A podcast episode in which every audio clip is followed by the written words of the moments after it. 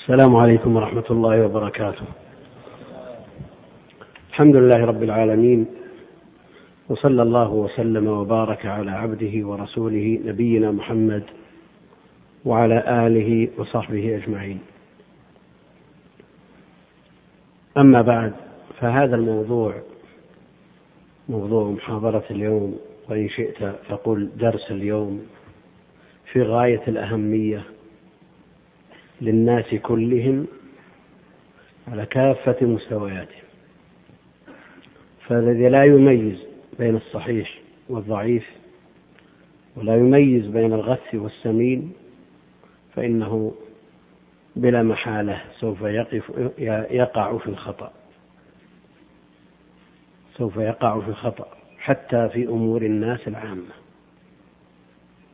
لا بد أن ينتبهوا لمثل هذا الأمر وأكثر الأحاديث التي تدار في المجالس ويترتب عليها ما يترتب من اتهام فلان أو علان أو مخالفة فلان وإشاعة ذلك كله بسبب عدم تمييز المتكلم والمستمع للصحيح من الضعيف للمقبول من المردود.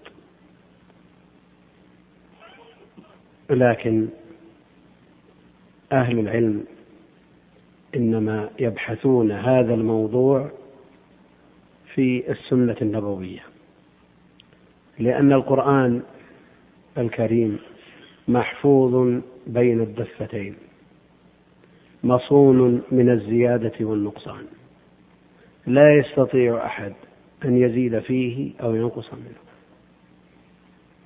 أما بالنسبة للسنة فوجد فيها الصحيح والضعيف لأن الله جل وعلا لم يتكفل بحفظها كالقرآن. ولذا جاء في الحديث الصحيح المتواتر لفظه ومعناه من كذب علي متعمدا فليتبوأ مقعده من النار مما يدل على إمكان الكذب عليه عليه الصلاة والسلام والواقع يشهد بذلك. فقد كذب عليه عليه الصلاة والسلام.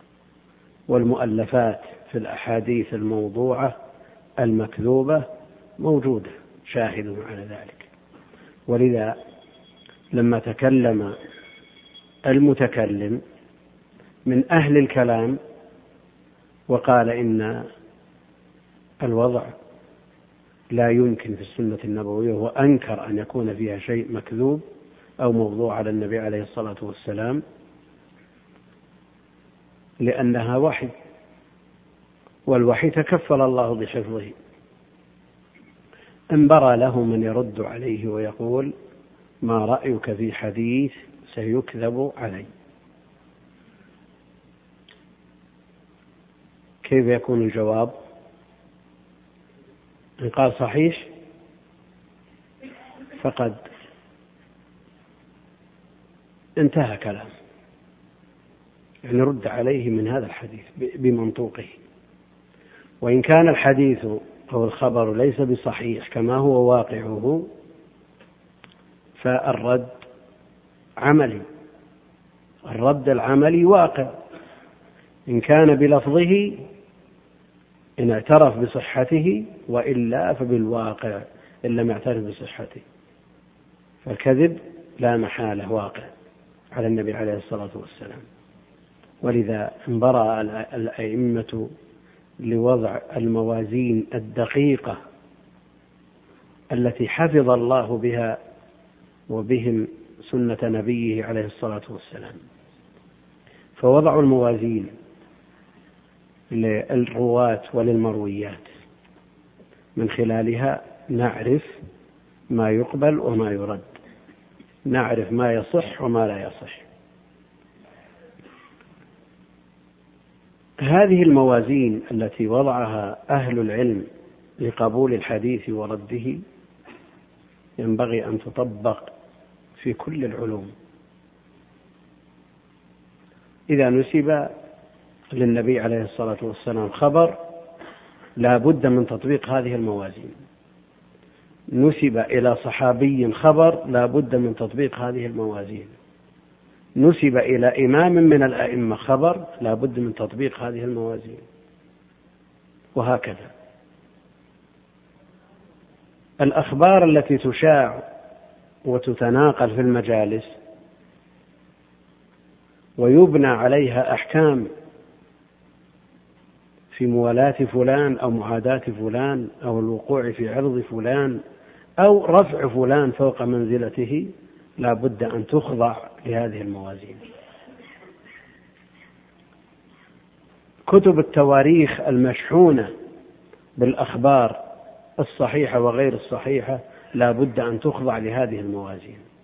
لكن الأثر المترتب على كلام الناس العادي غير الأثر المترتب على كلام النبي عليه الصلاة والسلام. يعني كم من خبر في كتب التواريخ مما يتداوله المؤرخون ليس بصحيح والناس يتلقونه بالقبول.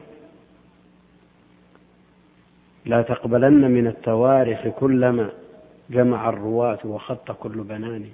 لابد أن تمحص أخبار التواريخ. وفي بادرة طيبة خرج صحيح تاريخ الطبري وضعيف تاريخ الطبري.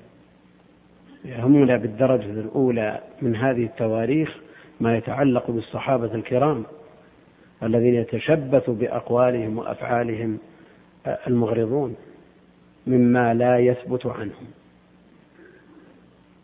في أيام الفتن يستدل الناس بفعل فلان من الصحابة. مبررا فعله بفعل فلان أو قول فلان من الصحابة. فإذا تثبت في الخبر وجد الخبر غير صحيح.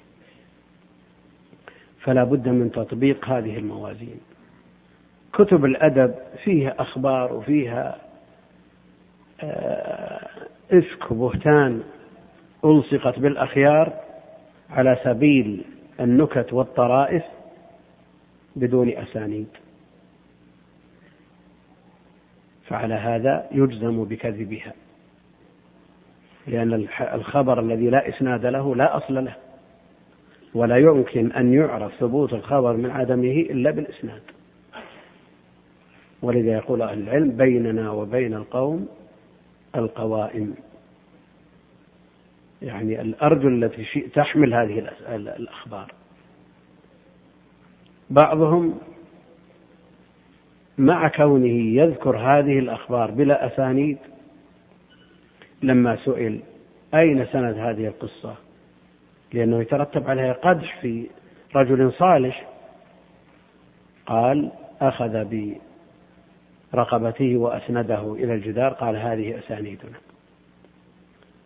فمثل هؤلاء يعتمد على أخبارهم وأقوالهم وما سطروه في كتبهم.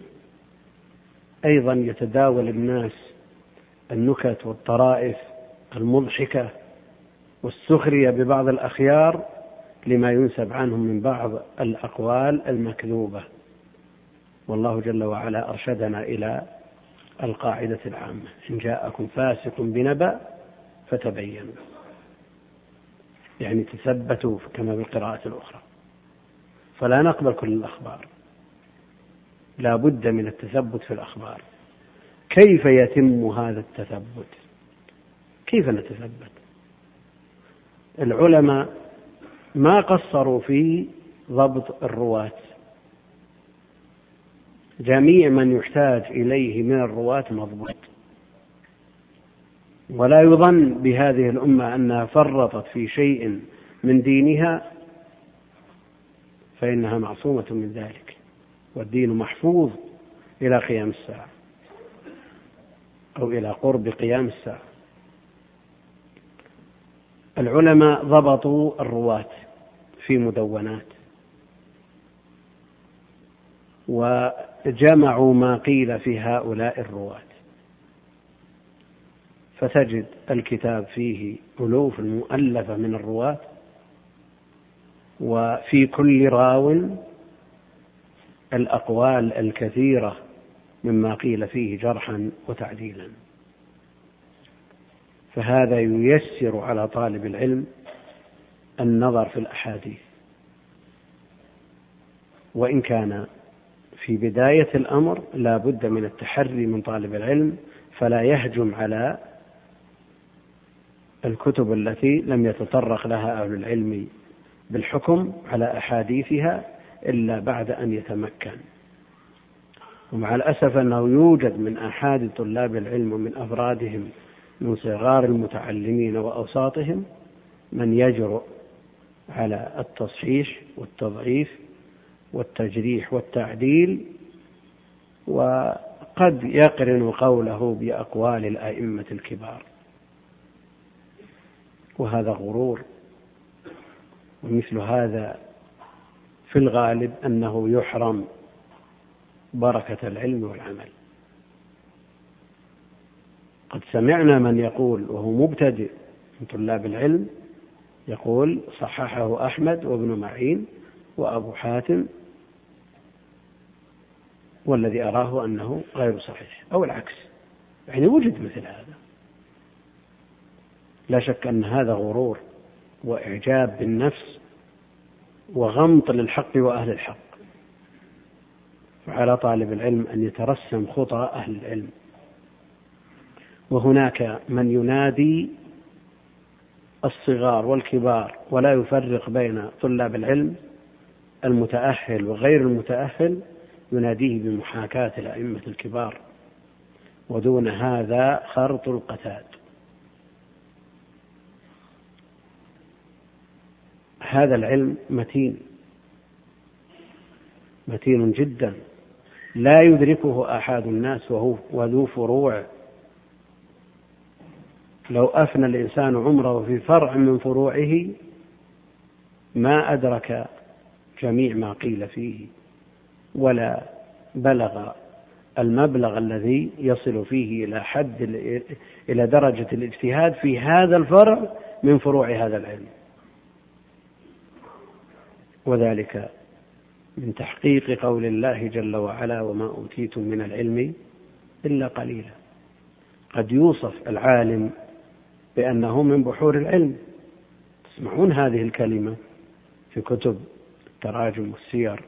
يوصف بأنه من بحور العلم لكنه مهما جمع وكيفما جمع لن يخرج عن قول الله جل وعلا وما أوتيتم من العلم إلا قليلا. وهذا بالنسبة لعلم الله جل وعلا كما في قصة موسى والخضر. أما بالنسبة لعلوم البشر بعضهم مع بعض فالأوصاف هذه نسبية. هذه نسبية. قد يدرك الإنسان أضعاف أضعاف ما يدركه غيره في الوقت نفسه وفي السن نفسه وذلك فضل الله يؤتيه من يشاء. نعود إلى موضوع الدرس وهو التصحيح والتضعيف ومعرفة الصحيح من الضعيف. المعول عليه في التصحيح والتضعيف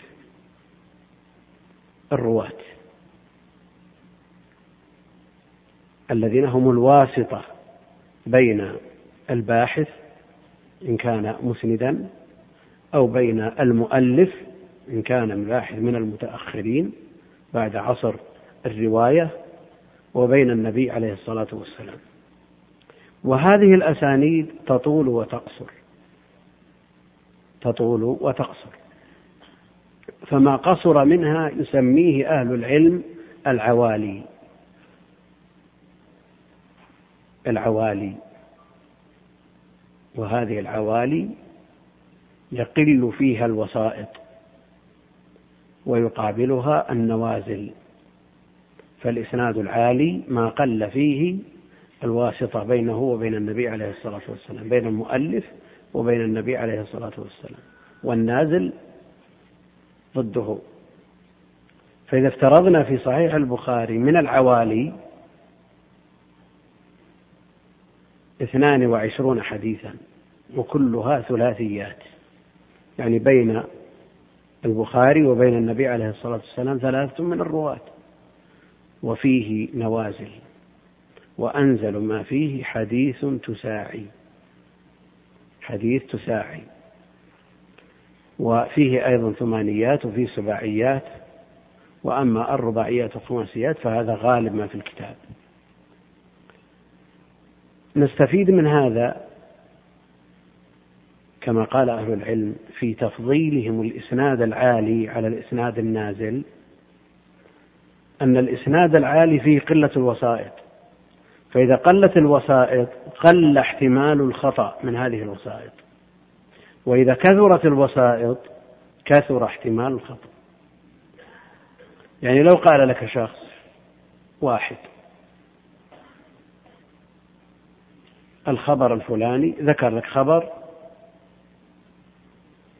عن مسألة من المسائل أو أمر من الأمور المهمة. أنت الآن تحتاج إلى معرفة حال هذا المخبر. هل هو ثقة أو غير ثقة؟ ضابط أو غير ضابط. ولا تحتاج إلى أكثر من ذلك. لكن لو قال لك إن فلانا قال لي تحتاج إلى أن تبحث في حال الاثنين. ولو قال لك إن فلانا قال له إن فلانا قال لي تحتاج إلى أن تبحث في حال الثلاثة. وهكذا. إلى أن تحتاج في بعض الأحاديث إلى أن تبحث في عشرة وخم... إلى عشرين أحيانا.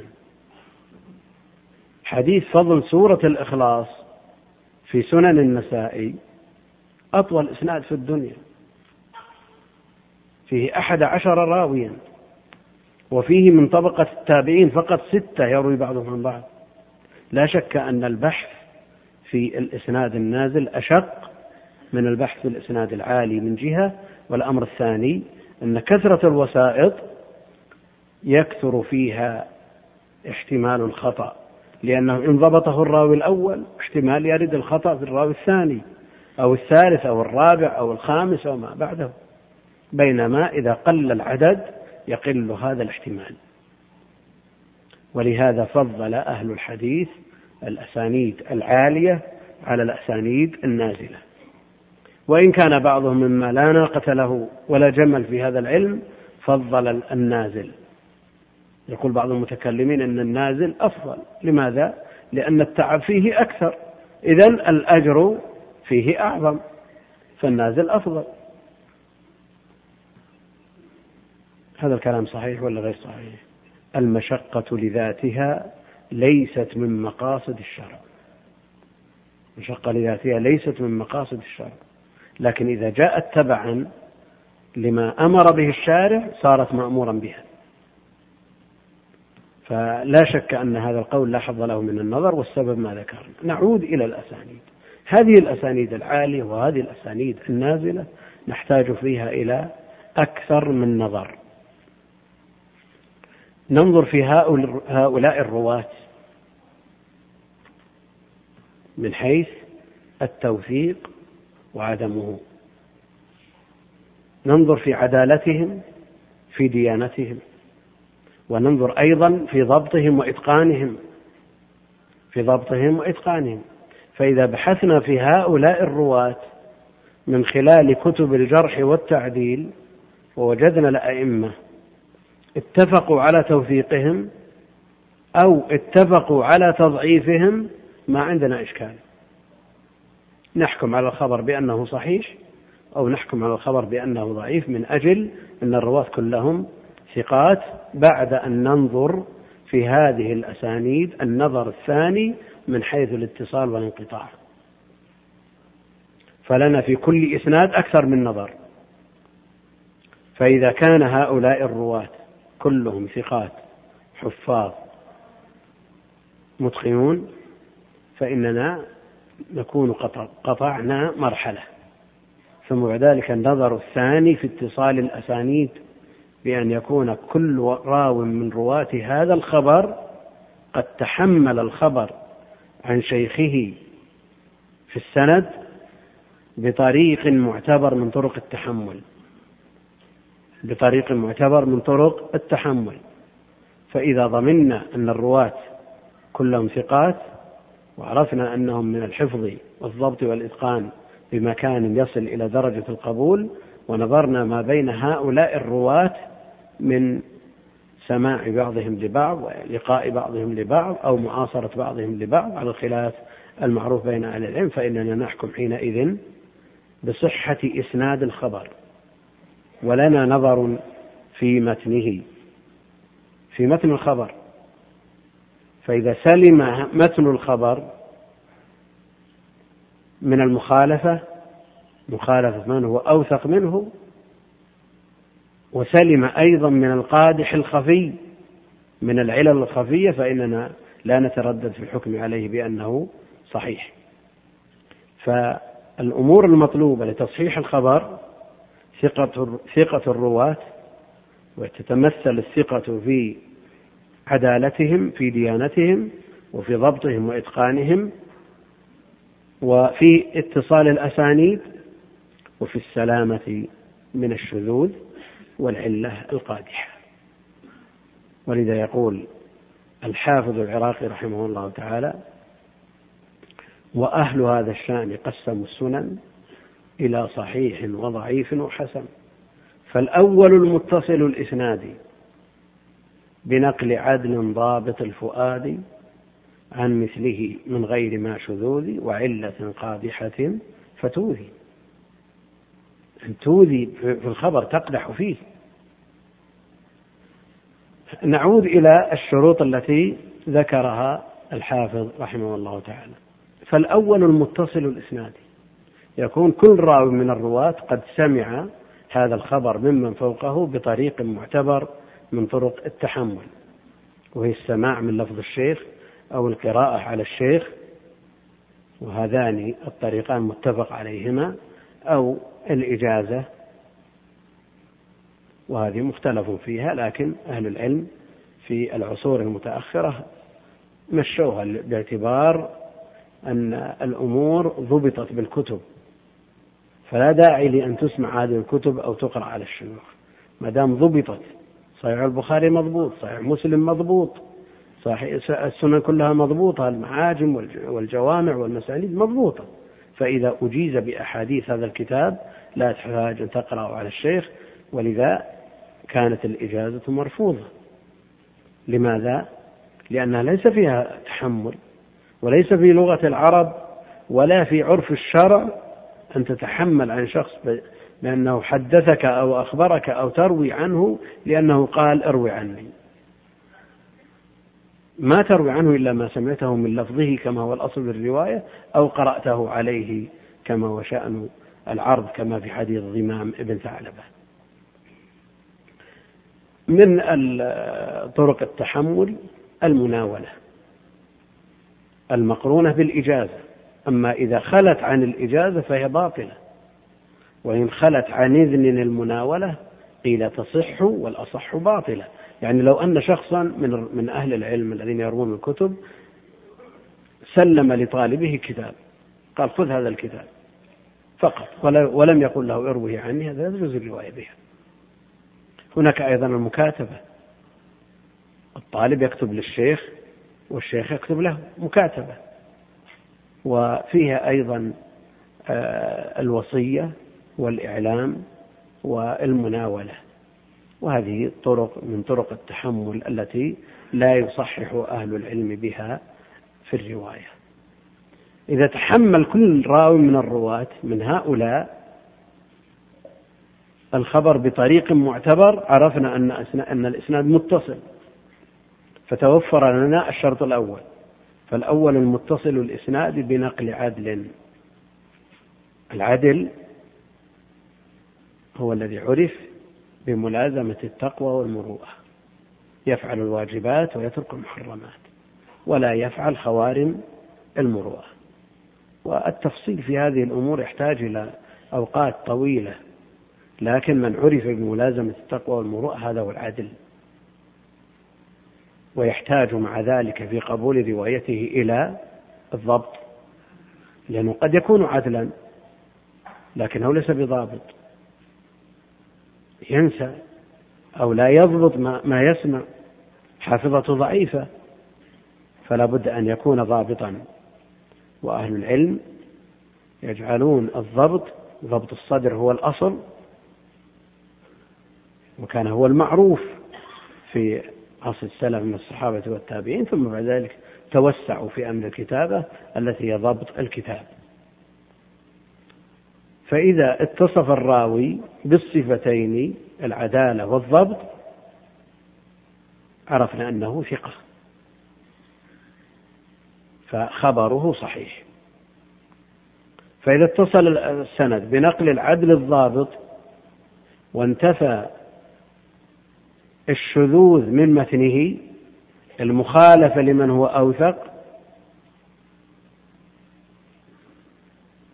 وأيضا العلة القادحة في الخبر الخفية التي لا يدركها كثير من المتعلمين فإننا حينئذ إذا توافرت هذه الشروط الخمسة فإننا نحكم بصحة, بصحة الخبر.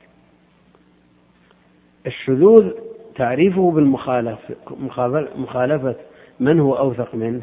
هو الذي اعتمده الإمام الشافعي ومشى عليه المتأخرون. وذو الشذوذ ما يخالف الثقة فيه الملأ. فالشافعي يحققه. العلة هي السبب الخفي الغامض الذي يقدح في صحة الخبر. الذي ظاهره السلامة منها سواء كانت في متنه أو في إسناده. هذه الشروط الخمسة إذا توافرت في خبر من الأخبار فهو صحيح لذاته. دونه الحسن الحسن لذاته ويقدم الكلام فيه على الصحيح لغيره لأنه يحتاج في الصحيح لغيره إلى معرفة الحسن لذاته. فيقولون إذا خف الضبط وجد الاتصال وجدت العدالة وانتفى الشذوذ وانتفت العلة إذا خف الضبط فالخبر حسن لذاته. حسن لذاته لا لشيء آخر. والحسن من قبيل المقبول يحتج فيه في جميع أبواب الدين. فإذا جاءنا حسن ثاني من طريق آخر ارتقى إلى ما يعرف عند أهل العلم بالصحيح لغيره. ثم بعد ذلك نحتاج إلى معرفة الضعيف لنعرف بعده الحسن لغيره. وهذا كله جريا على طريقة المتأخرين في تقرير هذا الفن وهي التي ينبغي أن يربى عليها طالب العلم في بداية الطلب. على طريقة المتأخرين لأنها مضبوطة ويمكن أن يربى عليها طالب علم. الضعيف يقول ابن الصلاح في تعريفه أنه ما لم يجمع شروط الحديث الصحيح ولا شروط الحديث الحسن. ما لم يجمع شروط الحديث الصحيح ولا شروط الحديث الحسن. والحافظ العراقي ينتقد هذا التعريف ويقول إذا لم يبلغ ولم تجتمع فيه شروط الحديث الحسن فإنه لا محالة لم تجتمع فيه شروط الحديث الصحيح. لأن ما قصر عن رتبة الحسن فهو عن رتبة الصحيح أقصر بلا شك. أما الضعيف فهو ما لم يبلغ مرتبة الحسن وإن بسط بغي هذا لا نحتاج إلى البسط لأنه تعب ليس وراءه آخر المقصود أن الذي عرفنا الضعيف ما لم تتوافر فيه شروط الحسن. ما لم تتوافر فيه شروط الحسن. وكلام طويل حول استدراك الحافظ العراقي على ابن الصلاح من من أهل العلم من يؤيد ومنهم من يعارض بناء على الصحة والحسن. هل هما هل ما بينهما من باب العموم والخصوص المطلق أو من باب العموم والخصوص الوجهي الحافظ العراقي يرى أن الصحيح الحسن الضعيف مراتب متدرجة. لا تداخل بينها. كما أن الشباب الكهولة الشيخوخة مراتب متدرجة. لا تداخل بينها. فإذا قلت الشاب من لم يبلغ سن الكهولة هل تحتاج إلى أن تقول ولا الشيخوخة؟ تحتاج. ما تحتاج. لأنه إذا لم يبلغ هذا فلن يبلغ ذاك من باب أولى هذه وجهة من قال أن ذكر الصحيح لا داعي له. ومن يقول أن ذكر الصحيح لا بد منه وينتصر لابن الصلاح يقول إن بينهما عموم وخصوص وجهي. قد يوجد الحسن من غير صحة وقد توجد الصحة من غير حسن. كيف؟ يقول بينهما عموم وخصوص وجه فيجتمعان في الحس الصحيح لغيره مع الحسن لذاته بينهما اتفاق. وينفرد الصحيح لذاته عن الحسن لغيره بينهما بون لا اتفاق بينهما. فيكون بينهما عموم وخصوص وجه يلتقيان في صورة وينفرد كل واحد منهما في صورة والتفصيل في مثل هذا لا داعي له. نعود إلى الفرق بين الصحيح والضعيف.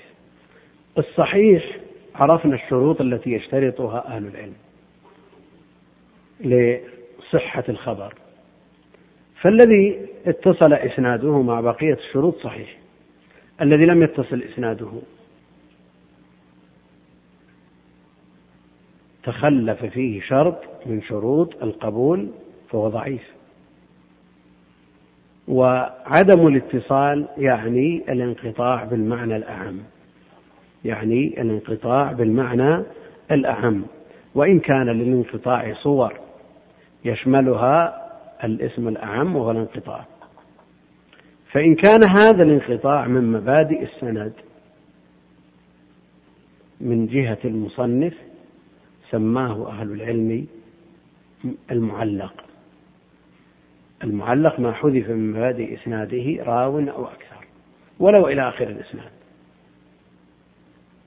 وإن كان الانقطاع في أثناء السند بواحد فقط أو بأكثر من واحد لا على التوالي فإن هذا يسمى عند أهل العلم المنقطع.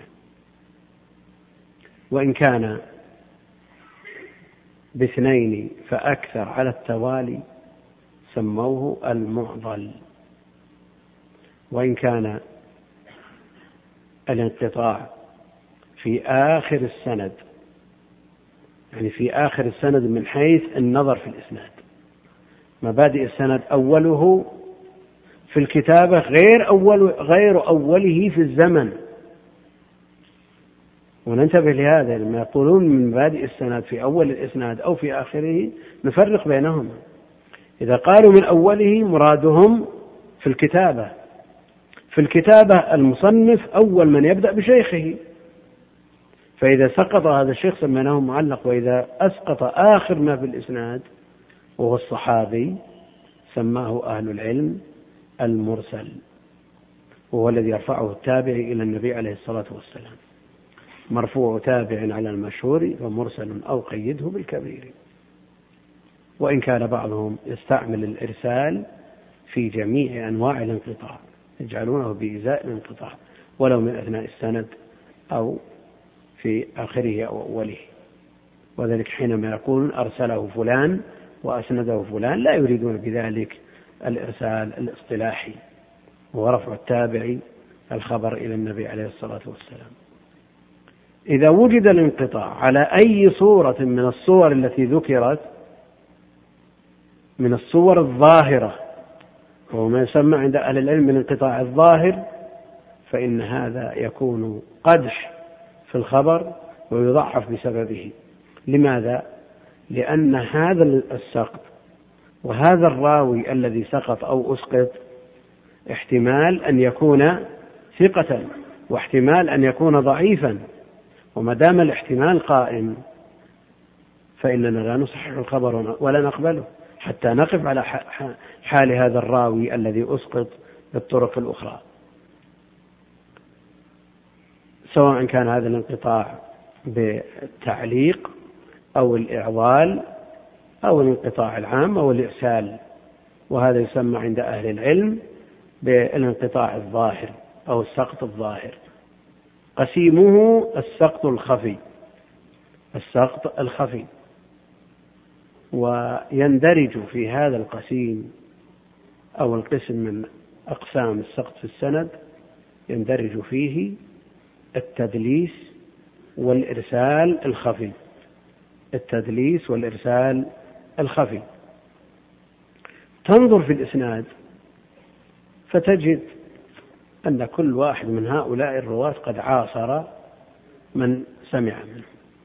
تجد الراوي الأول عاش من مئتين إلى مئتين وسبعين. والذي فوقه عاش مثلا من مئة وخمسين إلى مئتين وعشرين.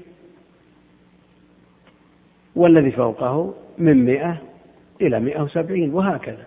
إذا نظرت في تواريخهم وجدت أن المسألة محتملة. لأن يكون كل واحد سمع من الآخر. لكن إذا كان أحد من هؤلاء الرواة قد وصف بالتدليس فلا يكفي النظر في التواريخ. لا بد أن يصرح بالتحديث. لا بد أن يقول سمعت أو حدثني فلان. لا سيما التدليس من المرتبة الثالثة والرابعة والخامسة. لا بد أن يصرح. فإن صرح بالتحديث وكان من المرتبة الثالثة. قبلنا خبره وإن لم يصرح لم نقبل خبر وأما بالنسبة للمرتبة الثالثة الرابعة والخامسة فهذه تحتاج إلى نظر آخر واقتران هذا التدليس بالضعف. فلا يرتفع بمجرد التصريح. هذا ما يسمى بالتدليس ويكون الراوي الموصوف بالتدليس ممن سمع ممن فوقه أو لقي من فوقه يعني سمع منه أحاديث. وصف بالتدليس لا بد أن يصرح بالسماع. لاحتمال أن هذا الحديث لم يسمعه منه. فإذا روى حديثا ممن سمع منه وقد وصف بالتدليس بصيغة موهمة فمثل هذا لا يقبل. سواء ولا بد أن يكون مع وصفه بالتدليس أن يكون قد سمع ممن فوقه أحاديث أو لقيه. فإذا ثبت السماع واللقاء من هذا بين هذين الراويين فإن هذا من ضرب التدليس. أما إذا كان الراوي قد عاصر من نسب إليه هذه الرواية ولم يثبت أنه سمع منه ولا لقيه فإن هذا هو الإرسال الخفي. لأن للراوي عمن يروي عنه أربع حالات. للراوي عمن يروي عنه له أربع حالات. الحالة الأولى أن يكون قد سمعه سمع منه. الثانية أن يكون قد لقيه. الثالثة أن يكون قد عاصره. الرابعة لا تثبت المعاصرة. فإذا روى الراوي عمن سمع منه الراوي الموصوف بالتدليس. إذا روى عمن فوقه بصيغة موهمة قد كان قد سمع منه أحاديث فإن هذا يسمى تدليس اتفاقا. إذا روى الراوي عمن لقيه ثبت لقاؤه له ولم يثبت. سماعه منه مع إمكان ذلك وروى عنه بصيغة موهمة هذه أيضا تدليس. إذا روى الراوي عمن عاصره عمن عاصره مع إمكان لقائه به وما لم يثبت فيه اللقاء لكن لا يثبت نفيه فإن هذا إذا روى عنه بصيغة موهمة هذا ليس من التدليس وإنما هو من الإرسال الخفي. فالفرق بينهما خفي والخلط والوهم بينهما عند بعض العلماء موجود حتى عند الكبار الذين كتبوا في المصطلح. بعضهم جعل بعض صور التدليس إرسال والعكس. ولا يفرق بينهما إلا من هذه الحيثية. الصورة الرابعة إذا لم يثبت أو لم يعاصره. هذا ولد سنة 220 ويقول عن فلان الذي مات سنة 200 فلان عن فلان. هذه ليست من التدليس ولا من الإرسال الخفي. هذا انقطاع ظاهر. وإن جعله بعضهم كما ذكر ذلك ابن عبد البر في مقدمة التمهيد جعله من التدليس لمجرد إيهام الصيغة. لمجرد إيهام الصيغة.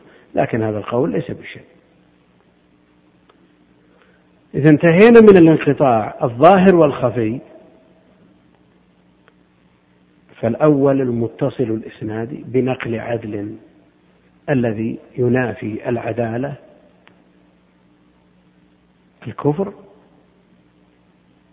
والفسق والبدعة والجهالة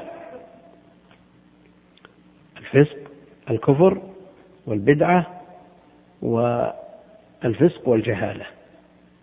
هذه أمور كلها مخلة بالعدالة. فالكافر روايته مردودة.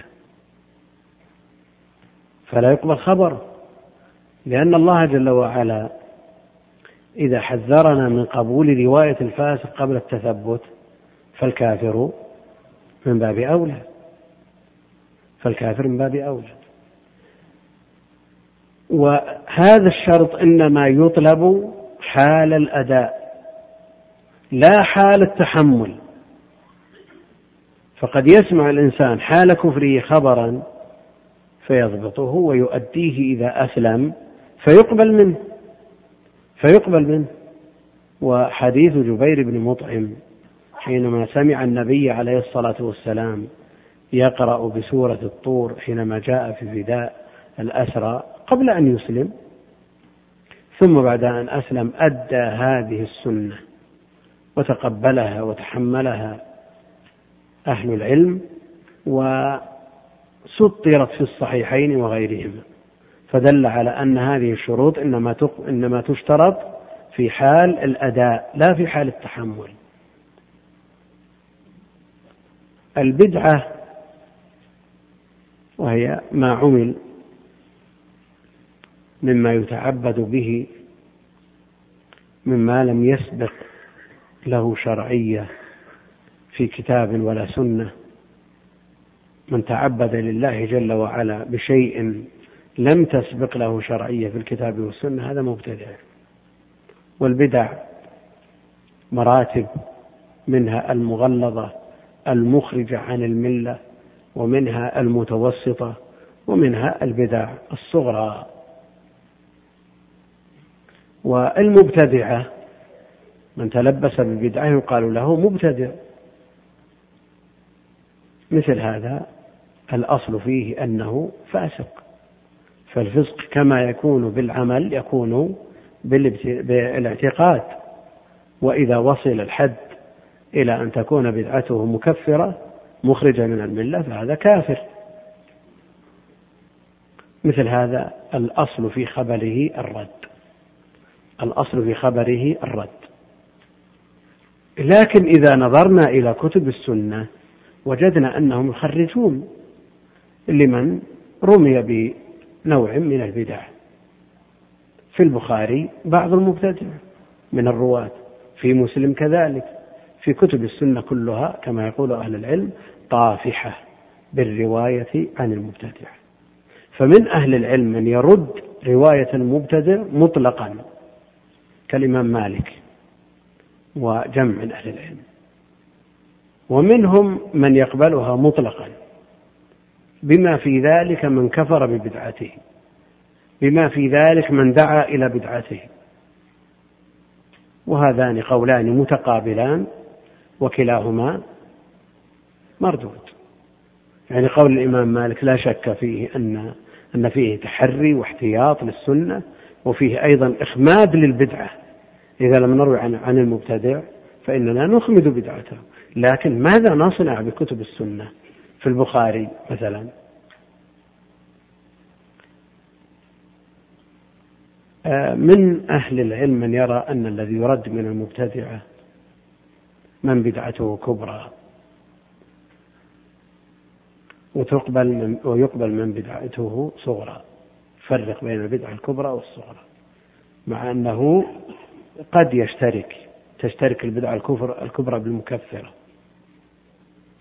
مع أنه قد يكفر ببدعته تكون بدعته مكفرة ويعذر بأمر من الأمور كما هو مقرر عند أهل العلم.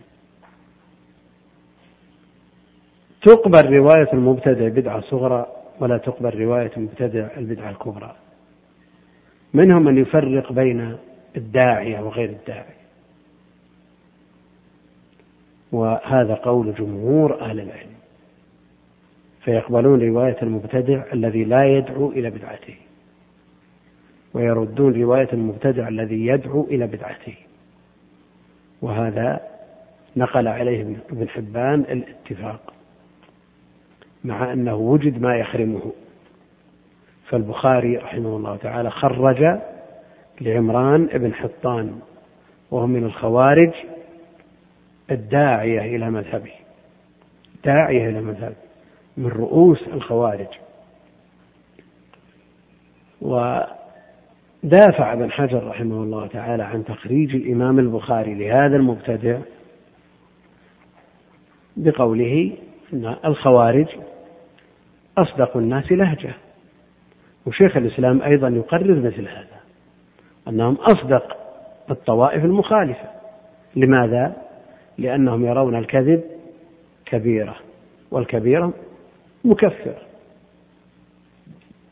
فلا يظن بهم أنهم يكذبون. بخلاف من يتدين بالكذب كالروافض. يختلفون اختلاف جذري. بعض بعض آه، من ينتسب إلى القبلة يتدين بالكذب. حتى وجد من من الزهاد والعباد من يتدين بالكذب على النبي عليه الصلاة والسلام ترويجا للدين. ورأى أن الناس انصرفوا عن القرآن مثلا بمغازي ابن, ابن إسحاق وفقه أبي حنيفة فوضع لهم حسبة في فضائل السور. هذا يتدين بهذا. لكنهم شر الوضاعين لأن الناس يثقون بهؤلاء العباد. ومع ذلك أحاديثهم لا شيء مكذوبة موضوعة. الذي يتدين بالكذب مثل هؤلاء وقوم من الكرامية أيضا وضعوا الأحاديث حسبة وقالوا إننا لم نكذب على النبي عليه الصلاة والسلام وإنما كذبنا له. هذا ضلال نسأل الله السلامة والعافية. هذا خطر عظيم وهفوة وزلة عظيمة ممن يقرر مثل هذا الكلام. النبي عليه الصلاة والسلام يقول من كذب علي متعمدا فليتبوأ مقعده من النار. تقول نكذب له ما نكذب عليه. الدين كمل قبل وفاة النبي عليه الصلاة والسلام. اليوم أكملت لكم دينكم. وليس بحاجة إلى ترويج مروج. وليس بحاجة إلى أن آه، توضع له الدعايات من أجل أن يقبل. الدين دين الفطرة وقد كمل قبل وفاة النبي عليه الصلاة والسلام. فلسنا بحاجة إلى مثل هؤلاء. ومع الأسف أن بعض المفسرين يودع هذا الحديث المكذوب بطوله في فضائل السور في تفسيره. الزمخشري أودعه في كتابه البيضاوي الثعلبي. كلهم يذكرون فضائل السور من هذا الحديث الموضوع مع الأسف. وهؤلاء يذكرونه ولا يعلقون عليه. لكن صاحب روح البيان إسماعيل حقي ذكر هذه الأحاديث واستدل بها وقال إن هذه الأحاديث إن كانت صحيحة فبها ونعمت وإن لم تكن صحيحة فقد قال القائل إننا نكذب له ولا نكذب عليه. يعني يحتج بحجة الأفاك المفتري. فلا شك أن في مثل هذا تضليل للقراء والقراء كثير منهم لا يميزون الصحيح من الضعيف. وكم من البدع التي تسربت إلى إلى الدين وأهله بواسطة هذه الأحاديث الضعيفة والموضوعة. وفي مقابل ذلك كم مات من السنن بسبب اعتماد بعض الجهال على مثل هذه الأحاديث. لأن من أحيا بدعة لا محالة أن يموت في قلبه سنة. نسأل الله السلامة والعافية. الكفر والبدعة لا شك أن الخلل في الرواية كبير يلي ذلك الفسق. والله جل وعلا قال في محكم كتابه إن جاءكم فاسق بنبأ فتبينوا والقراءة الأخرى وهي سبعية تثبتوا لا بد من التثبت في خبر الفاسق. فالفاسق مردود الخبر لكن لو تحمل في حال فسقه ثم تاب وأناب وأدى الخبر في حال آه، استقامته فإنه يقبل منه كالكافر بل أولى. الراوي المجهول. عندنا إسناد بحثنا عن رواته السبعة فعرفنا حال الأول والثاني والثالث والخامس والسادس السابع بقي عندنا واحد ما عرفنا حاله كشفنا عنه في كتب الرجال ما وجدنا من جرحه ولا من عدله لم نجد من جرحه ولا من عدله فإن كان لم يروي عنه إلا راو واحد فهو مجهول العين. إن روى عنه أكثر من واحد ولم يعرف بجرح ولا تعديل فهو مجهول الحال. وهناك مجهول الحال ظاهرا وباطنا مجهول الحال باطنا فقط وهو المستور كما يقول أهل العلم. لا شك أن هذا لا بد من الوقوف فيه على قول لأهل العلم. منهم من يتسامح إذا كان مثل هذا ممن تقادم العهد به في عصر التابعين الأوائل كبار التابعين ولم نقف فيه على جرح ولا تعديل يقول الغالب أن مثل هؤلاء حالهم على الاستقامة ويكتفي بمثل هذا وصحح الخبر. لكن إذا كان من دونهم ماذا نصنع إذا لم نقف في راو من الرواة على قول لا بقدح ولا مدح لا بجرح ولا تعديل؟ من أهل العلم من يرى أن الجهالة قادح. تقول الخبر ضعيف لأن فيه فلان مجهول. ومنهم من يرى أن الجهالة ليست بقادح وإنما هي عدم علم بحال الراوي. عدم علم بحال الراوي.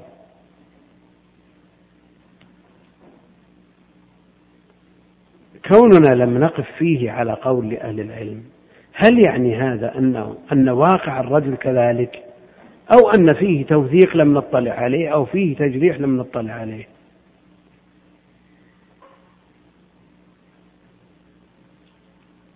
وما الذي يترتب على هذا؟ إذا قلنا تجريح قلنا على طول الخبر ضعيف لوجود فلان وهو مجهول. وإذا قلنا عدم علم بحال الراوي فإننا نتوقف فيه في الحكم على الخبر. ما نقول ضعيف لأن بعض طلاب العلم يقول بحثت عن حال هذا الراوي فلم أقف فيه على جرح ولا تعديل فهو ثقة. أو ضعيف مثلا. لم أقف عليه فيما بين يدي من الكتب. فمنهم من ينحى إلى أنه ضعيف أو إلى ثقة. الواجب التوقف. تتوقف حتى تعرف. وكثيرا ما يقول أبو حاتم الرازي في الرواة مجهول أي لا أعرفه. لا أعرفه. على هذا لا تحكم.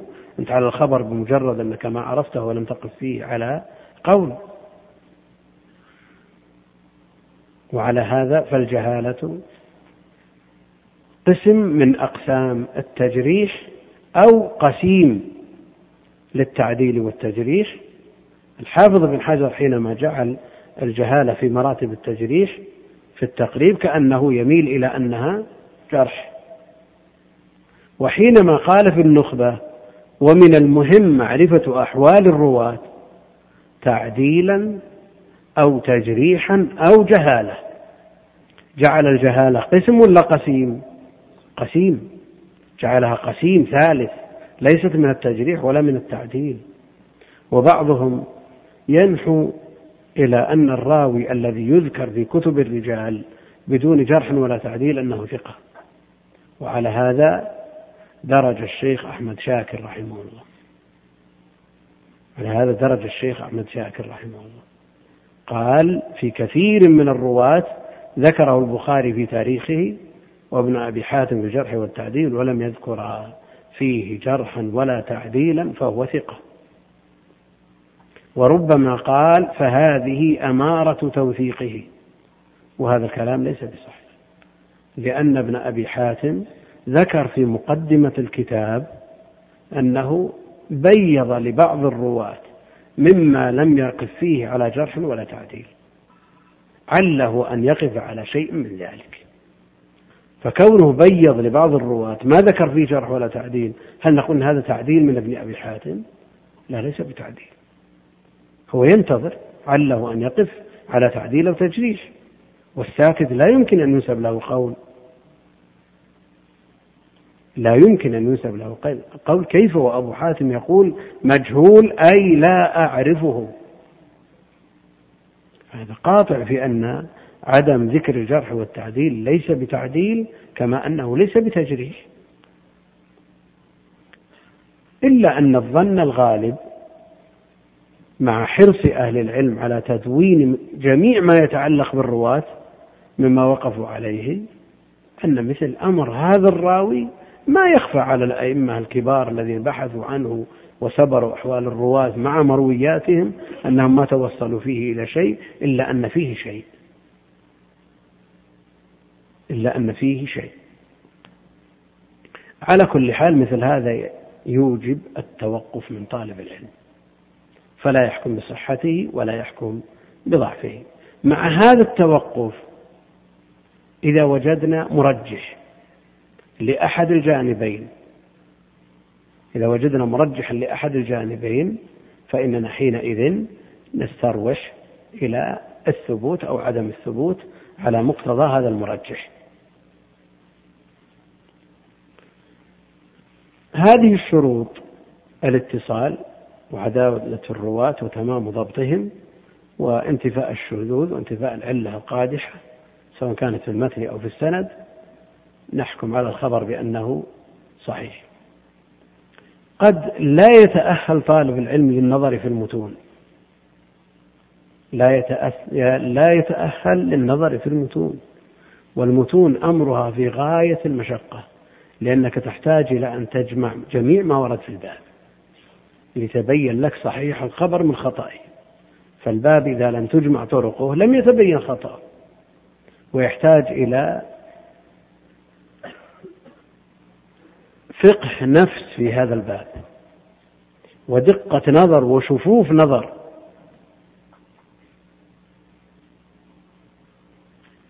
المقلوب عند أهل العلم من قسيم من قسم الضعيف. من قسم الضعيف. الأحاديث المقلوبة ضعيفة عند أهل العلم. لكن الحكم بالقلب وعدمه هذا يحتاج إلى نظر. دقيق لأن تجمع الطرق وتنظر الجادة في رواية هذا الخبر وأنه لا يمكن توجيهه بحال من الأحوال فإذا توفر لك ذلك وصرت من من أهل النظر في هذا الباب أحكم. كثير من أهل العلم حكموا على حديث السبعة الذين يظلهم الله في ظله يوم لا ظل إلا ظله ومخرج في صحيح مسلم. ورجل تصدق بصدقة فأخفاها حتى لا تعلم يمينه ما تنفق شماله. الذي في الصحيحين وغيرهما العكس. حتى لا تعلم شماله ما تنفق يمينه. والإنفاق إنما هو باليمين. قالوا مقلوب. إيش يعني مقلوب؟ ضعيف. ألا يمكن توجيهه لأنه مخرج في الصحيح وصيانة الصحيح وظيفة كل طالب علم غيور على السنة؟ يمكن توجيهه. كيف؟ نقول أن المتصدق أحيانا يحتاج إلى أن يتصدق بالشمال. لا سيما والمسألة مقرونة بإخفاء الصدقة.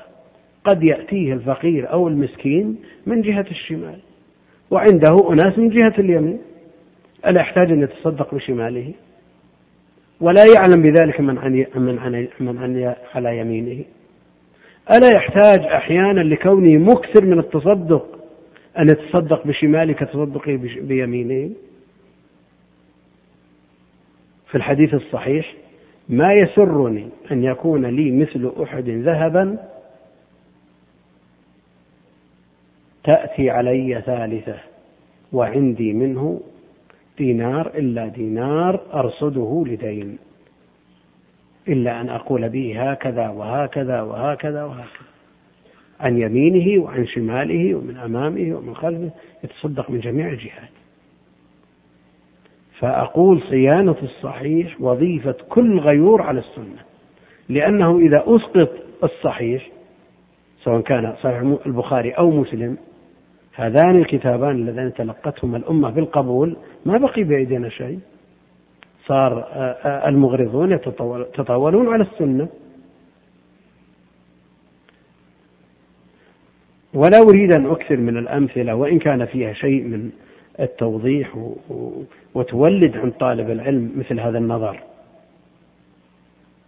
ابن القيم رحمه الله هو ابن القيم في آه، سعة علمه وإحاطته واطلاعه. ودقة نظره حكم على حديث البروك بأنه مقلوب. بأنه مقلوب والمقلوب من قسم الضعيف. حديث إذا سجد أحدكم فلا يبرك كما يبرك البعير وليضع يديه قبل ركبتيه. يقول ابن القيم إنه إذا وضع قدم يديه قبل ركبتيه برك برك البعير. فعلى هذا الخبر مقلوب فيكون ضعيفا. لكن من صححه من الأئمة الكبار يخفى عليه مثل هذا الكلام؟ نعم. هل يخفى عليه مثل هذا الكلام؟ الصورة واضحة. فنحتاج إلى تحرير معنى البروك. معنى إيش معنى البروك؟ هل المراد بالبروك تقديم اليدين على الركبتين طيب ماذا عن نصوص كثيرة فبارك على ركبتيه؟ عمر بن الخطاب رضي الله عنه حينما أراد النبي عليه الصلاة والسلام أن يوصي وكثر الكلام برك على ركبتيه. هل نقول البروك مماثل لبروك عمر بن الخطاب حينما برك على ركبتيه؟ لا إذا ما معنى البروك؟ البروك هو النزول على الأرض بقوة سواء كان قدمت اليدين أو قدمت الركبتين. فلا تبرك مثل بروك البعير بحيث تثير الغبار تفرق الحصى. هذا البروك. وعلى هذا إذا قدمت يديك قبل ركبتيك بهدوء ورفق فإنك حينئذ لم تبرك مثل ما يبرك البعير. ويكون الخبر آخره يشهد لأوله ولا في قلب ولا في حاجة. وبهذا نصون السنة عن مثل هذه الاعتراضات. نعم ابن القيم تاج على العين والرأس وأهل العلم كلهم يقلدونه في هذا الكلام ثقة به. وابن القيم إمام من أئمة المسلمين لكنه مع ذلك ليس بالمعصوم. فنحرص حرصا تاما على صيانة السنة ولا نتسرع بالحكم بالتضعيف وبالحكم حتى بالتصحيح لأن الخطر الناجم من التسارع في التصحيح كالخبر النا... كالخطأ أو كالزلل الحاصل والخطر المداهم بسبب التسارع التضعيف. كلاهما متوازيان فعلينا أن نتوسط. ولذا يقول أهل العلم أن الضرر الحاصل بموضوعات ابن الجوزي نظير الضرر الحاصل بتساهل الحاكم. ابن الجوزي تساهل في إدخال أحاديث صحيحة في الموضوعات والحاكم تساهل في, في إدخال أحاديث ضعيفة بل موضوعه في المستدرك الذي موضوعه استدراك على الصحيحين. وصحح وقال على شرط الشيخين أو على شرط البخاري إذا كان ليس بصحيح التساهل في التضعيف كالتساهل في التصحيح. كيف؟ التساهل في التصحيح بحيث يصحح من يتصدى لهذا الأمر أحاديث غير صحيحة يجعل المسلمين يعملون بأحاديث غير صحيحة. وهذا خطر. يتدينون بدين لم يشرعه الله جل وعلا وبالمقابل الذي يضعف أحاديث صحيحة. ماذا يترتب عليه؟ حرمان الأمة من هذه الأحاديث ومن هذه العبادات ومن هذه الأحكام التي آه، يمكن أن تستنبط من هذه الأحاديث. فالخبر فالخطر من هذين الفعلين متوازيا خطر موازي. ولذلك على طالب العلم أن يتمهل في حكمه على الأخبار. أولا يعرف الطريقة وإذا تربى على كتب المتأخرين وعلى قواعد المتأخرين وأتقن ما فيها وأكثر من المران صار يخرج الأحاديث ويحكم عليها من خلال هذه القواعد ثم بعد ذلك يطابق النتائج عنده من تصحيح أو تضعيف على أحكام الأئمة. إن وافق حكمه أحكام الأئمة بها ونعمت وإن خالف حكمه أحكام الأئمة يعرف أن في وسيلته إلى هذا الحكم خلل. في وسيلته إلى هذا الحكم خلل. فإذا أكثر ضبط قواعد علوم الحديث وعرف كيف يصحح وكيف يضعف. ثم بعد ذلك أكثر من تخريج الأحاديث والنظر في أسانيدها ومتونها بعد أن يكثر النظر في أحكام الأئمة. ويترسم خطاهم شيئا فشيئا تدريجيا تتكون لديه الأهلية حتى يصل إلى مصاف الأئمة وإن كان عاد هذا لا يمكن أن يحصل في الأزمان المتأخرة إلا لأفذاذ من الناس أن يحكم على الحديث بمجرد شمه. إذا اختلط بلحمه ودمه وعرف ما يمكن أن يضاف إلى النبي عليه الصلاة والسلام وما لا يمكن أن يضاف إليه لا شك أن هذا يكون إمام من أئمة المسلمين في هذا الباب ويترك له المجال لأنه أهل للحكم على الأخبار أما في بداية الطلب فعليه أن ينظر في القواعد النظرية يضبط هذه القواعد ويخرج الأحاديث ويدرس الأسانيد على ضوء هذه القواعد لنفسه. لا للنشر يستعجل بنشر ما يتوصل إليه لا. كم من إنسان ندم على ما نشر؟ كم من شخص صار هدفا للنقد وغرضا للسهام وظل بسببه أناس لاستعجاله بالنشر؟ وأهل العلم يحثون على التريث وأن طالب العلم لا يستعجل الثمرة قبل أوانها ولا يذبذب قبل أن يحصرم. إذا أكثر من التخريج والنظر في الأسانيد وطبق ما عرفه من قواعد وعرض أحكامه على الأئمة وعلى من يعرفه من العلماء المختصين في هذا الشأن إذا وافقوه يحمد الله جل وعلا على صحة النتيجة ويعرف أنه على الجادة ثم يكثر من ذلك يستزيد من ذلك فيكون ديدنه تخريج الأحاديث والنظر في أسانيدها واستحضار أقوال أهل العلم ثم يكون بعد ذلك أهلا لأن يسمى محدثا.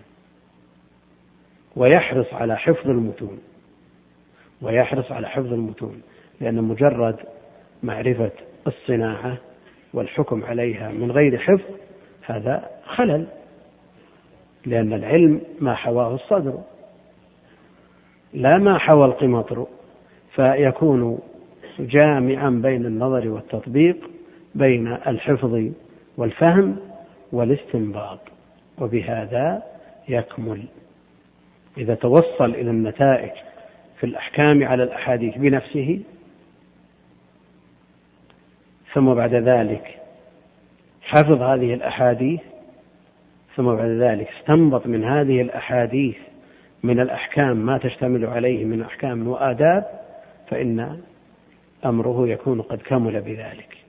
ومع ذلك لا يتصور أنه في سنوات يسيرة يمكن أن يصل إلى الاجتهاد المطلق. لا. لأن هذا العلم كما أسلفنا متين متين جدا. يعني لو نظرنا في الرواة فقط وجمعنا رواة الكتب الستة اثنى عشر ألف راوي. هل يستطيع أن يقول طالب علم أنني مجتهد في الحكم على جميع هؤلاء الرواة ولا يمكن أن أقلد أحد؟ هل يمكن؟ ينظر مثلا في راو من الرواة ابن لهيعة فيه ثلاثة عشر قولا لأهل العلم. ثلاثة عشر قول. منهم من وثقه بإطلاق وهذا قليل. منهم من وثقه مقيدا برواية العبادلة وهذا أيضا قليل. منهم من ضعفه هم الأكثر. هل يستطيع طالب علم أن يجتهد في كل راوي من الرواة الذي هذه حاله؟ يعني أهل ابن, ابن حجر رحمه الله تعالى من أهل الاستقراء في هذا الباب وتعب على هذا الأمر تعب شديد وصار يقرن الرواة بمروياتهم ويحكم على الراوي من خلال ما قيل فيه ومن خلال النظر في مروياته. ومع ذلك هل نتائجه سليمة مئة بالمئة؟ استدرك عليه؟ ابن حجر قال في التقريب ابن صدوق له أوهام. وقال في فتح الباري مرة صدوق بدون أوهام ومرة ضعيف بل أكثر من مرة قال ضعيف. ثم يأتي طالب علم متوسط يقول خلاص بلغ مرتبة الاجتهاد المطلق. هذا الكلام ليس بصحيح. ابن حجر نفسه قال في عبيد الله بن الأخنس في فتح الباري ثقة. وشذ ابن حبان فقال يخطئ. وفي التقريب قال صدوق يخطئ. نعلم أن مثل هذا العلم ما يدرك بإضاعة الأوقات بدون فائدة يحتاج إلى سهر يحتاج إلى تعب ومع ذلك يؤخذ تدريجيا كما أنه يؤخذ عن أهله. الذي يتعلم على الكتب لا بد من الخلل في نتائجه. لا بد أن يعرض علمه وأقواله ونتائجه على أهل الاختصاص أهل الخبرة أهل لأنهم قد يرشدونه ويوجهونه إلى شيء قد غفل عنه وما أكثر الغفلة عند البشر من يعاني هذا العلم وغيره من العلوم والأوهام مضبوطة. لكن كفى المرء نبلا أن تعد معايبه.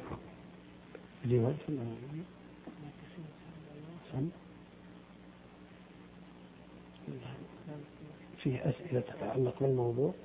لعلها تفتح المآفاق موضوع الاسترسال في الكلام ما له حد ولا نهاية. فلعل الأسئلة تلبي رغبة بعض الإخوة. شكر الله لفضيلة الشيخ على هذا البيان ونفعنا به وجعل ذلك في ميزان حسناته. وأسأله سبحانه وتعالى أن يبارك في جهود الشيخ فهو معروف بتأصيله وبيانه لمثل هذه المسائل. وأعلم أن الشيخ لا يحب الإطراء في هذا المجال ولعلي أترك المجال للأسئلة التي ربما تستوضح بعض المسائل المتعلقة المهمة.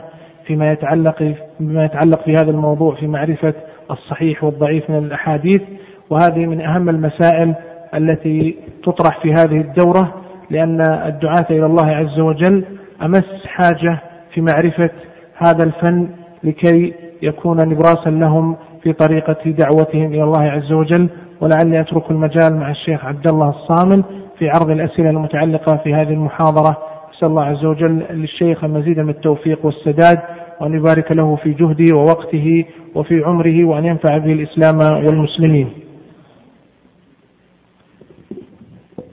بسم الله الرحمن الرحيم ونسأل الله سبحانه وتعالى أن يجزي شيخنا خير الجزاء على هذا البيان وأن يجعل ما قدم في ميزان حسناته يوم يلقى ربه.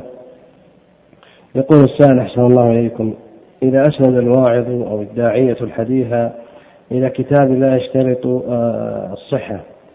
أو أسند عن شيخ هل تبرأ بذلك ذمتها أو لا بد من البحث والتصحيح بنفسه؟ أو أنه لا يذكر إلا من كتاب صحيح. جاء في الحديث كما في مقدمة مسلم من حدث عني بحديث يرى أنه كذب. وفي الرواية الأخرى يرى أنه كذب فهو أحد الكاذبين. اختلاف الضبطين يحمل الخطيب والداعية والمعلم ومن يريد نفع الناس المسؤولية والتبعة في البحث عن الأحاديث. فإذا حدث بحديث لا يعرف درجته. فرآه غيره. أنه كذب وقع في الخبر. فهو أحد الكاذبين. فعلى هذا لا بد من التثبت. لا بد من التثبت. والخبر إذا كان في كتاب لم تلتزم فيه الصحة لا بد من النظر في حكمه. فإذا خرج من البخاري أو مسلم لا يحتاج أن يقول صحيح. لكن إذا أورد حديثا من سنن أبي داود أو الترمذي أو النسائي أو ابن ماجه أو من مسند أحمد أو موطأ مالك أو غير ذلك لا بد أن يكون في حيز القبول. لا بد أن يكون صحيحا أو حسنا. فلا يكفي أن يلقيه على الناس من غير تمييز لدرجته. وإذا كان الناس في أول الأمر تبرأ ذمة المحدث بذكر السند لأن الزمن زمن إسناد والمستمع مجرد ما يسمع هذا الإسناد يعرف أن الخبر صحيح أو ضعيف فإنه بعد ذلك لا بد مع ذكر الإسناد أن تبين أحوال الرواة أو يكتفى بالحكم على الخبر. ويكتفى بحكم يفهمه السامع. لو قال جاء بحديث ثم في خطبة جمعة ثم قالوا هذا حديث متواتر. يعرف الناس شو معنى متواتر؟ العامة يعرفون ما يعرفون. لو جاء بحديث وقال هذا الحديث آه، مختلف فيه أو فيه كذا وكذا لا بد من وضع النقاط على الحروف بالنسبة لعامة الناس. وإذا خفي أمر الأحكام على بعض من ينتسب إلى العلم فلا بد من البيان الواضح الشافي الحافظ العراقي سئل عن حديث فقال لا أصل له مكذوب على النبي عليه الصلاة والسلام فانبرى له شخص من العجم قال كيف تقول يا شيخ؟ وينتسب إلى العلم. كيف تقول مكذوب؟ وهو موجود في كتب السنة بالأسانيد. فقال له أحضر لننظر في إسناده. فأحضره من موضوعات ابن الجوزي. يعني مثل عامة الناس لو قيل هذا الخبر موضوع على المنبر يكفي أن يقال موضوع الناس يعرفون ما يعرفون الموضوع. فلا بد من البيان الذي تبرأ به العهدة تبرأ به الذمة بحيث يفهمه السامعون كلهم تعجبوا من كونه لا يعرف موضوع الموضوع هذا ليس بعجب الرجل أعجمي وإن كان له يد في بعض العلوم لكن كون الإنسان يعرف بعلم من العلوم لا يعني أنه متقن لجميع العلوم. قد يخفى عليه بدهيات علوم أخرى. وهذا شأن الاختصاص والتخصص. أما من تفنن في العلوم كلها فإن مثل هذا آه، لا شك أنه يدرك من العلوم ما يخرج به من معرة مثل هذا النقد. نعم. عليكم. هذا السائل يسأل يقول ما حكم العمل بالحديث الضعيف في باب فضائل الأعمال؟ جزاك الله خيرا. هذا لا هذه المسألة محل اختلاف بين أهل العلم. وجماهير أهل العلم عمتهم على أن الخبر الضعيف يعمل به في فضائل الأعمال بالشروط المعروفة. أن يكون الضعف غير شديد وأن يكون له أصل يندرج فيه وأن لا يعتقد عند العمل به ثبوته. وأن لا يعتقد عند العمل به ثبوته بل يعتقد الاحتياط. هذه الشروط وضعها الجمهور لقبول الضعيف في الفضائل. والنووي نقل الإجماع على العمل بالضعيف في الفضائل وكذلك الملا علي قاري تبع النووي في هذا. لكن الإجماع هذا مخروق ومخروق فإن جمعا من أهل العلم لا يرون العمل بالضعيف مطلقا. فهو مردود مطلقا. بل منهم من زاد على ذلك فلا يرى العمل بالحسن مطلقا. فضلا عن الضعيف. هذه الشروط التي وضعها أهل العلم لقبول الضعيف في الفضائل اولا تطبيقها فيه عسر ويخفف من قضية الاحتياط للسنة. وما صح عن النبي عليه الصلاة والسلام أو حسن مما هو في دائرة القبول فيه كفاية وفيه غنية. ومع ذلك لو نظرنا إلى أصل المسألة ما, ما الذي يعنى بفضائل الأعمال؟ هم يقولون إذا أردنا الأحكام شددنا وإذا أردنا الفضائل تساهلنا سمحنا. ما الذي يراد بفضائل الأعمال؟ إذا نظرنا إلى الأمثلة في فضائل الأعمال يمثلون بالصلوات التي جاءت بأسانيد ضعيفة. صلاة التسبيح صلاة الرغائب صلاة كذا صلاة إحياء ليلة العيد. سند ضعيف لكنه في الفضائل. إيش معنى فضيلة؟ أليس معنى ذلك أن يرتب على فعلها أجر؟ يرتب على فعلها أجر ولا لا؟ وعلى عدم فعلها لا شيء ما في شيء. وهذا هو حد السنة. والسنة حكم من الأحكام التكليفية ولا ليست بحكم؟ حكم. إذا نحتج بالضعيف في حكم من الأحكام. فأصل المسألة فيه ما فيه. هذا التساهل الذي يتساهل فيه أهل العلم ويطلقه الإمام أحمد وغيره. لا يريدون به التساهل غير المرضي الذي درج عليه المتأخرون. إنما لا يطلبون لمثل هذه الأمور أعلى الصحيح. شيخ الإسلام رحمه الله تعالى يقول إن الضعيف عند الإمام أحمد هو الحسن عند الترمذي ومن جاء بعده. لأن الحسن لا يعرف في عهد الإمام أحمد اللي هو متوسط الرتبة إنما هو الضعيف لأنه ضعف وقصر عن الصحة فهو ضعيف وإن لم يبلغ مرتبة الضعيف المردود. وكلام شيخ الإسلام أولا أن الحسن معروف في طبقة الإمام أحمد ومن قبل الإمام أحمد رحمه الله.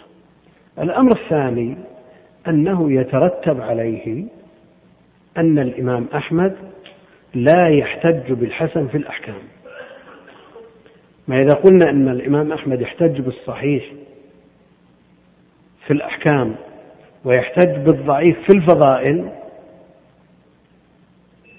وقلنا أن المراد بالضعيف عند الإمام أحمد هو الحسن ترتب عليه أن الإمام أحمد لا يحتج بالحسن لا يحتج بالحسن في الأحكام وهذا غير معروف في مذهبه.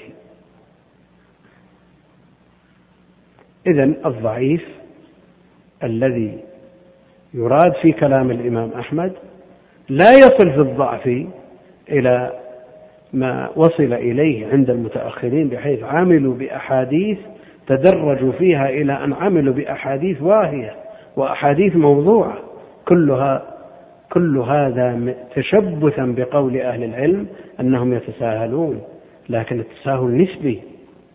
قد لا يطلبون لأحاديث الترغيب التفسير والمغازي والسير وغيرها من من الأحاديث التي لا يترتب عليها حكم شرعي لا يطلبون فيها مثل ما يطلب للأحكام من الدرجة العليا يتناسلون فيها شيئا مما لا يصل إلى حد الضعف.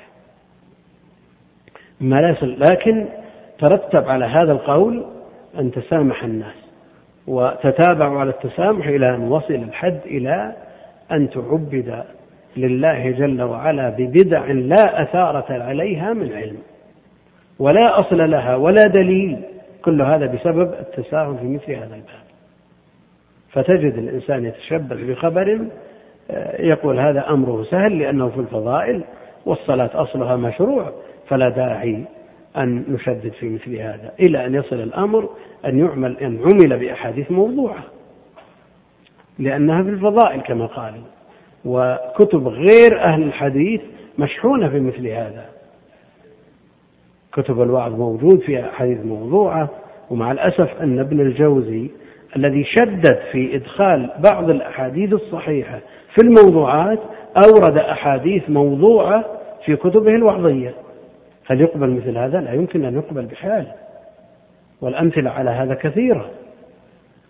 في التبصرة في المرعش في المنعش في آه، آه، اليواقيت وغيرها من كتبه من كتبه فيها أحاديث موضوعة فيتشدد في إدخال أحاديث صحيحة في الموضوعات ويفتح الباب والمجال لمثل هذا بناء على ما قعدوه وأصلوه من أن الفضائل تسامح فيها.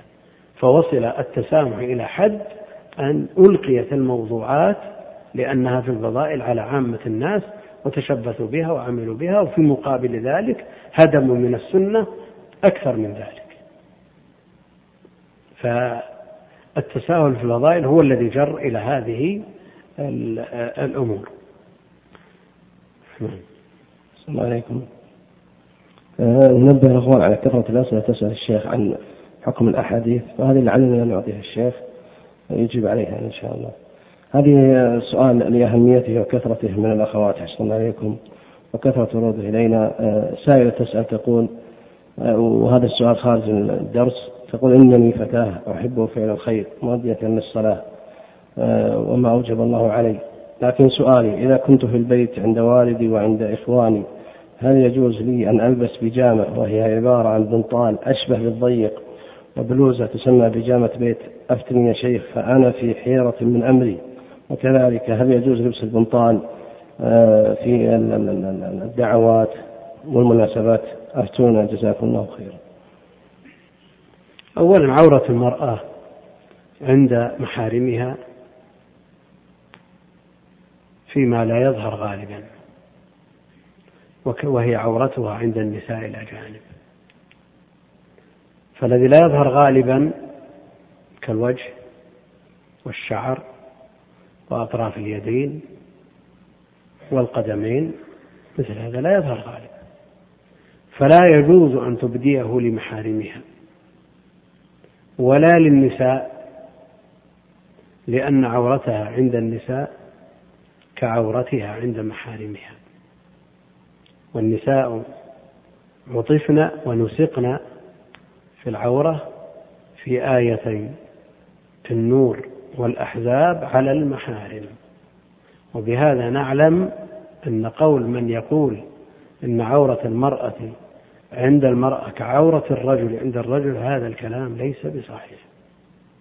وجر إلى أمور يدركها من يذهب إلى الأفراح من النساء ومناسبات الزواج حتى بدت العورات ووصل الأمر إلى العورات المغلظة وهذا سببه التشبث بمثل هذه الفتوى. الناس في تسامحهم وتساهلهم لا حد له والشيطان يؤزهم أزا. وإبداء العورات من وظائف إبليس الأولى. من وظائفه الأولى. ليبدي لهما ما وري من سوآتهما. هذا أين؟ نعم. أين حصل هذا؟ هذه الوسوسة أين حصلت؟ في الجنة قبل النزول إلى الأرض فهي وظيفة من وظائفه الأولى وهي وظيفة أتباعه إلى يوم القيامة من المنافقين والمغرضين. ولذا يقول الله جل وعلا يا أيها النبي قل لبناتك ونسائك إيش؟ يا أيها النبي قل لأزواجك وبناتك ونساء المؤمنين يدنين عليهن من جلابيبهن ذلك أدنى أن يعرفن فلا يؤذين. كان الله غفورا رحيما. لئن لم ينتهي المنافقون. مباشرة. تعقيب هذه الآية بالأول بالآية الأولى دليل على أن السعي في إخراج المرأة المسلمة من عفتها وحشمتها ونزع لباسها وظيفة المنافقين الذين هم ورثة إبليس في هذا الباب وفي غيره. نعود إلى سؤال الأخت لا شك أن مثل لباس مثل هذه آه، آه، البناطيل ومثل آه، البيجامات التي تلبس في البيوت لا شك أنها تبدي الأحجام فإذا بدأ الحجم مما يثير غرائز الرجال ومكامنهم فإن لبسه لا يجوز لا يجوز بحال. البنطال أيضا ليس من لباس المسلمين وإنما هو لباس الكفار ففيه التشبه. المرأة عند زوجها يجوز له أن يراها عارية فما دون ذلك كله مقبول إن سلم من التشبه. شريطة ألا يراها أحد لا كبير ولا صغير. وبعض النساء تتبسط مع الأولاد وتتبسط مع الخدم وما أشبه ذلك وكل هذا أثر أثرا بالغا في البيوت مما لا تحمد, تحمد عقبه فعلى المرأة المسلمة الصينة الدينة العفيفة التي ترجو ثواب الله وتخشى عقابه أن تحسم المادة أن تحسم المادة. وفي قول الله جل وعلا وقرن في بيوتكن ولا تبرجن تبرج الجاهلية الأولى.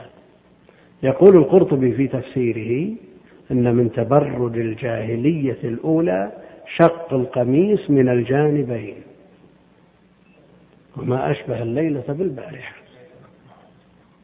شق القميص من الجانبين بحيث يصل في بعض الأحوال إلى الركبة.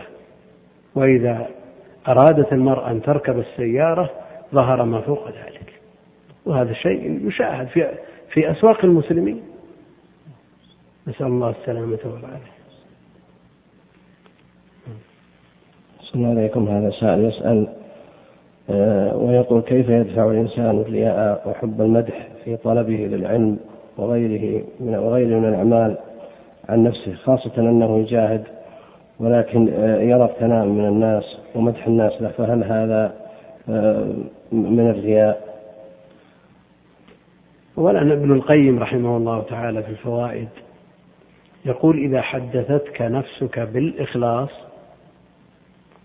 فاعمد إلى حب إلى حب الثناء والمدح واذبحه بسكين يقينك وعلمك أنه لا أحد ينفع مدحه ولا يضر ذمه إلا الله جل وعلا مع الأسف أن الناس عموما ينظرون إلى مثل هذه المسائل إلى مدح الناس ويغفلون عن مدح الله جل وعلا. ولذا إذا قيل لفلان من الناس كبيرا كان أو صغيرا أن الأمير الفلاني أو الوزير الفلاني أو المسؤول الفلاني ذكرك البارحة في المجلس الفلاني وأثنى عليك إن بلغه الخبر قبل أن ينام فلن تذوق عينه النوم. ويغفل عن مثل حديث من ذكرني في نفسه ذكرته في نفسي. ومن ذكرني في ملأ ذكرته في ملأ خير منه.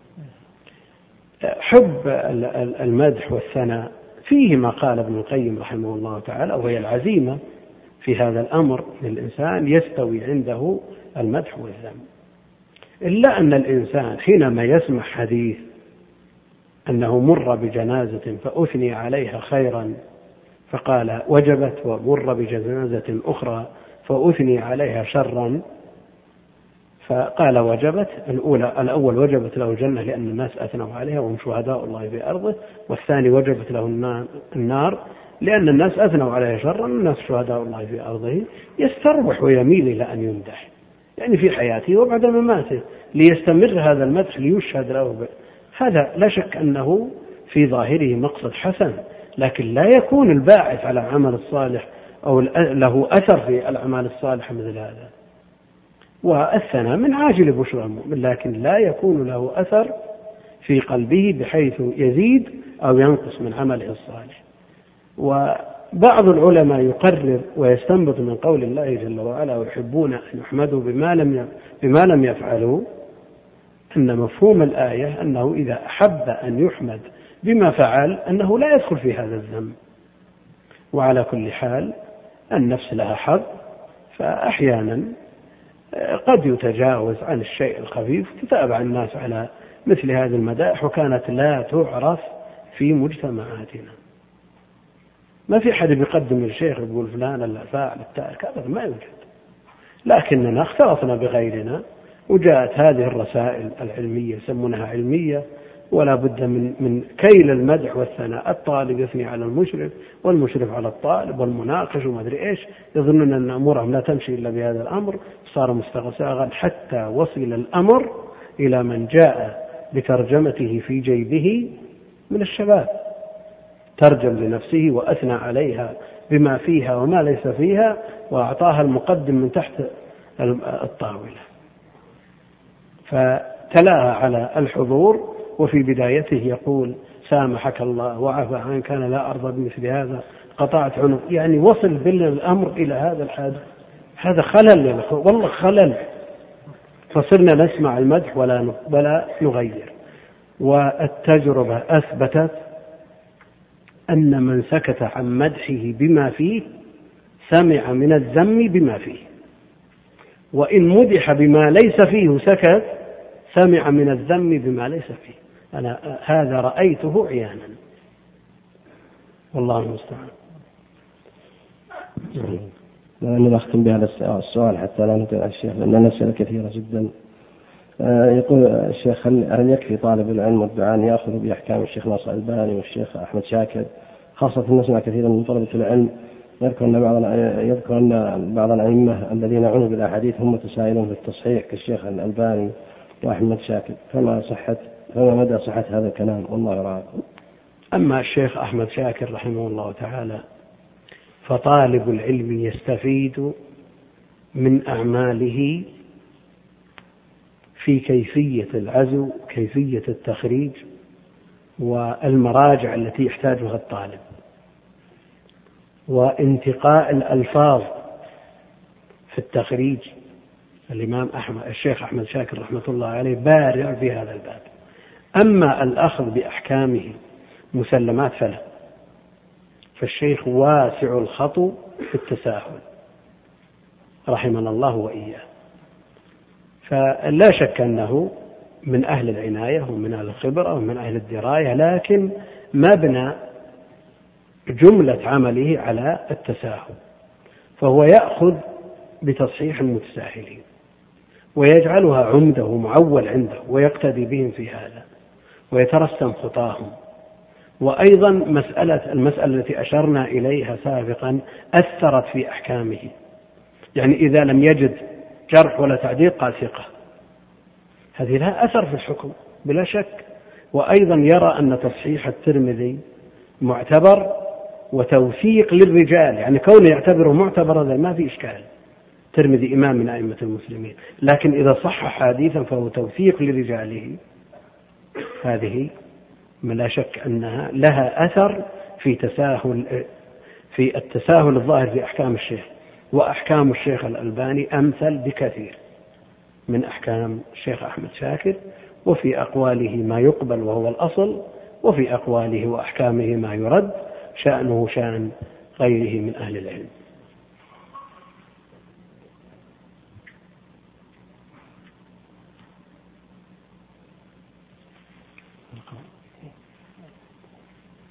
هذا يسأل يقول هل موطأ الإمام مالك يعتبر من أصح الكتب بعد القرآن الكريم؟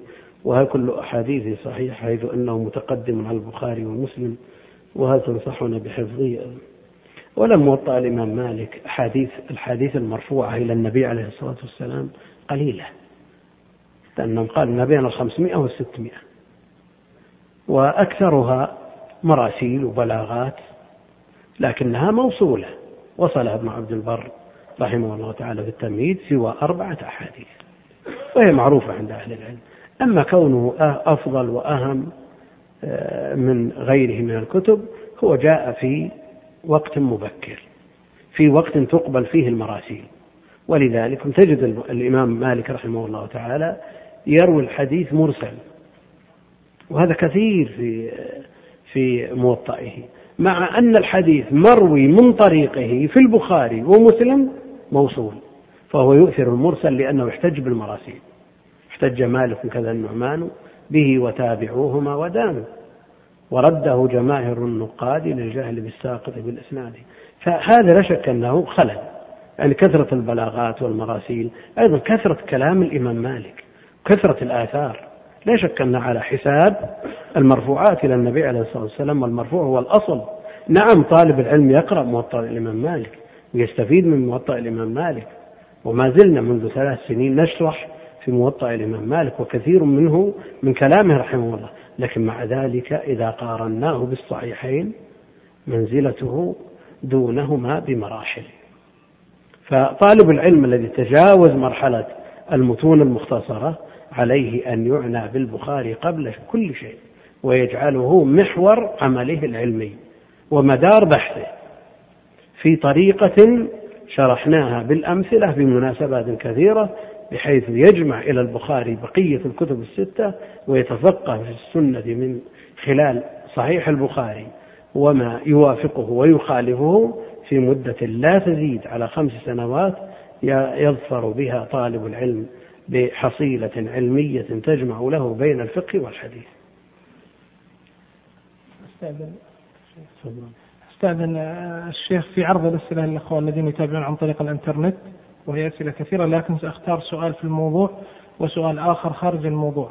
أما السؤال الأول فالأخوة هذا أخ من اليابان يقول متى أحسن الله لكم يا فضيلة الشيخ متى يعمل بالحديث الضعيف؟